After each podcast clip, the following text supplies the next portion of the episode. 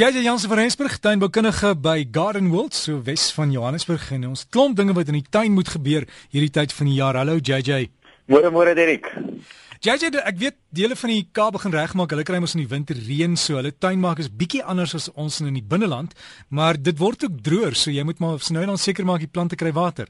Ja nee, definitief. Weet jy, Derek, mense vra altyd nou wanneer moet hulle ophou om hulle grasperke te sny?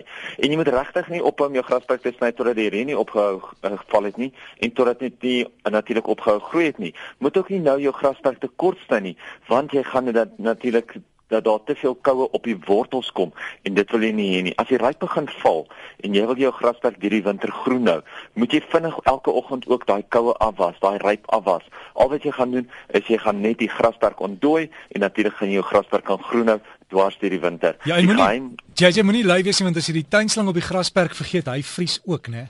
Daai tuinslang vries heeltemal en natuurlik daai tuinslang breek baie baie vinnig. So maak seker dat jy daai tuinslang maar eerder weghou, veral onder dakhou laat daai ryp nie op hom val nie, laat die water in die tuinslang nie so vinnig wegvries nie.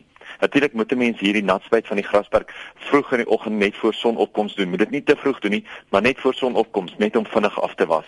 Ek dink ook met al die vroeg koue wil al die mense nou begin snoei en dit is nog net te vroeg. Dit is nog so 'n maand of wat te vroeg om jou rose en jou vrugtebome ensovoorts terug te sny. As jy dit nou al gaan terugsny, gaan jou plant nuwe groei gedurende die winter uitstoot en al daai nuwe groei gaan net deur die winterkoue beskadig word. So jy mors eintlik al die energie wat in die plant is en partykeer kan die plant ook wegvrek want al daai energie word dan natuurlik nou doodgebrand deur die koue. Jy kan natuurlik van die blare en so aan afbreek, maar wag eers tot so die middel einde Junie of selfs in Julie voordat jy dit terugsny. Hierdie jaar van die of hierdie tyd van die jaar het die rose ook natuurlik net een keer per week goeie benatting nodig. Gewoonlik gedurende die somermaande gooi ons hulle so 2 of 3 keer 'n week nat, maar nou kan jy een keer 'n week kan jy hulle goed nat maak. Dit is ook nou baie belangrik om jou besproeiing te verminder. Jy kan dit maklik halveer en ook belangrik om jou plante nou in die oggend nat te gooi, nie meer in die namiddag nie. Reël is om jou plante nie na 12 in die middag nat te gooi nie, want jy wil hê jou plante die oppervlak moet net bietjie uitdroog voordat daai koue in die aand intree. Maar die laaste ding oor die koue is natuurlik sekere gedeeltes van die land het dit al geryp en as jy nog nie het nie, moet jy nou vinnig spring om jou koue gevoelige plante toe te maak. Dis nou al jou tropiese plante. Dis belangrik om jou plante heeltemal toe te maak. En ek sê altyd dat die koue wat insak is nie heeltemal so erg soos die koue wind wat daardeur waai nie. So jy moet dubbel seker maak om jou plante behoorlik veral op die kante toe te maak. Nou in die ou dae het ons altyd net hessien of gooiingsak gekry.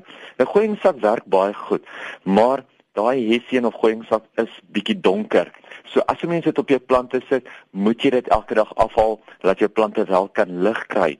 Die ander ding natuurlik is rypdoek. En rypdoek is daai baie fyn geweefde lap. Dit lyk amper soos kantgordyn. Dit het mense altyd net in wit gekry en 'n rypdoek is deesdae kry mense hom in 'n groen ook wat natuurlik baie mooi is of baie beter lyk en dan kry mense ook hom natuurlik in 'n baie dikker materiaal beskikbaar. Hy's nou amper dubbel die dikte wat hy altyd was sodat hy vir jou 'n baie dikker 'n beskerming kan gee. Nie weier nie, maar dikker. So as jy daai dikker ene wil hê, vra net by die kwekery vir die 50 gram per vierkante meter. Dis die dikker ene wat jou plante beter kan beskerm. En onthou jy hoef nie jou rypdoek elke dag af te haal nie. Jou rypdoek is baie ligter, hy laat baie meer lig deur en natuurlik as uh, uh, lug laat die lug trek wat al kan deur beweeg. Sê iemand het ook gesê ek moet net vir jou vra, hulle het 'n maanblom wat uh nie wil blom nie. Hulle vermoed hy moet dalk teen 'n muur staan. Uh dis mos die giftige ene, né? Nee, die maanblom oor die algemeen is die die giftige gene is eintlik die ranker. Die maanblom, die bos ene is gewoonlik nie die giftige gene nie, alhoewel hy nie meer geplant word nie. Maar as hy nie blom nie, beteken dit net hy kry gewoonlik nie genoeg lig nie. 'n Maanblom bly blom eintlik baie maklik. Hy kan uh, baie areas hanteer. Sou jy hom teen 'n muur of so plant, gaan hy net nie baie wind kry nie en gaan hy ook baie sterker groei. So ja, jy kan hom maar teen 'n muur plant, maar waar hy baie lig kry is baie belangrik. JJ en dan mense wat raad wil vra of, net vir jou wil e-pos, waar kry hulle vir jou? Hulle is welkom om vir my e-pos te stuur by JJ by Garden World. Natuurlik die nuwe tuis en nou met 'n bietjie geskryf oor die maak van kompos en ook oor plante wat doplyse het vir al die alwyne. So as hulle in die tuis en nou 'n tydskrif bietjie wil lees, kan hulle andersins stuur vir my e-pos na JJ by gardenworld.co.za. En dit is net JJ, JJ JJ by gardenworld.co.za. JJ lekker naweek verder. Baie dankie, sal dit daai kant. So gesels JJ Jansen van Rensburg, daai e-pos is jj by gardenworld.co.za. Hulle het ook 'n webtuiste by die kwekery is gardenworld.co.za. Jy sal klomp inligting daar kry en presies kan sien wat om in jou tuin te doen hierdie tyd van die jaar.